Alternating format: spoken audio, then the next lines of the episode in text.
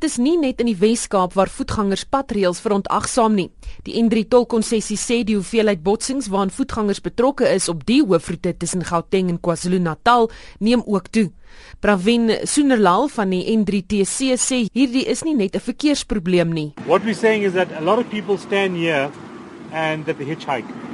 We've also learned recently that the hitchhiker is probably the hijacker because he would stop here and there's syndicates that are operating, you would think you're picking up an innocent person, and you ride along with this vehicle, and then that they jack you. That's what happens.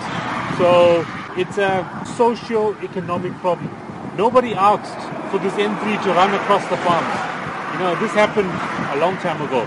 If there are timber factories, you find wood, big bales of wood on the hill. Now imagine trying to cross the road and trying to turn and trying to see can't see nothing. All you do is hearing. And remember, for a child, a child does not know distance, how quick or how fast that vehicle is coming, and they just run across.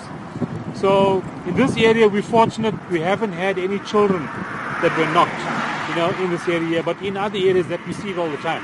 Johan Jonk, die redakteur van die Arrive Live webblad sê wat hom veral bekommer is die groot hoeveelheid kinders wat op paaie deur motors getref word. Dit is definitief 'n probleem as ons kyk na elke jaar se statistieke is ongeveer 35-36% van die padsterftes is voetgangers.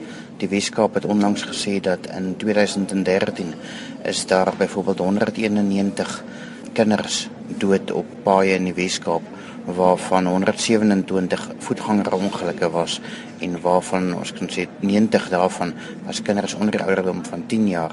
So voetgangersterftes is, is definitief vir ons 'n probleem. Ons kan nie stry dat eh, deels van ons historiese ontwikkeling en waar ons informele nedersettings so aangebou is 'n effek daarvan het nie.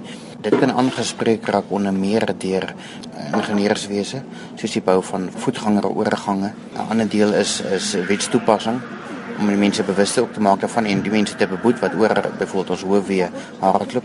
'n Ander belangrike deel is opvoeding. Ek moet sê ons kry nou dat die privaat sektor nogal daar groot bydrae begin lewer. Ek weet Imperial byvoorbeeld met hulle padveiligheidsveld tog sal die 600ste skool, ons kan sê loods wat skoolierpatrollies sal kry. Wat dit nie net gaan rondom veiliger voetoorgange by die skole nie, maar ook om dan 'n opvoedkundige taak te daarmee saam te doen vir kinders die belangrikheid daarvan uh, te laat besef om eers te kyk regs, links en regs voordat hulle oorgaan oor 'n pad om byvoorbeeld nie tot in die helfte van 'n pad te hardloop nie, maar om die kant te bly totdat dit heeltemal skoon is voor 'n mens oor 'n pad gaan. As 'n verskeidenheid meganismes en goed wat ons kan doen om voetgangers meer veilig te maak.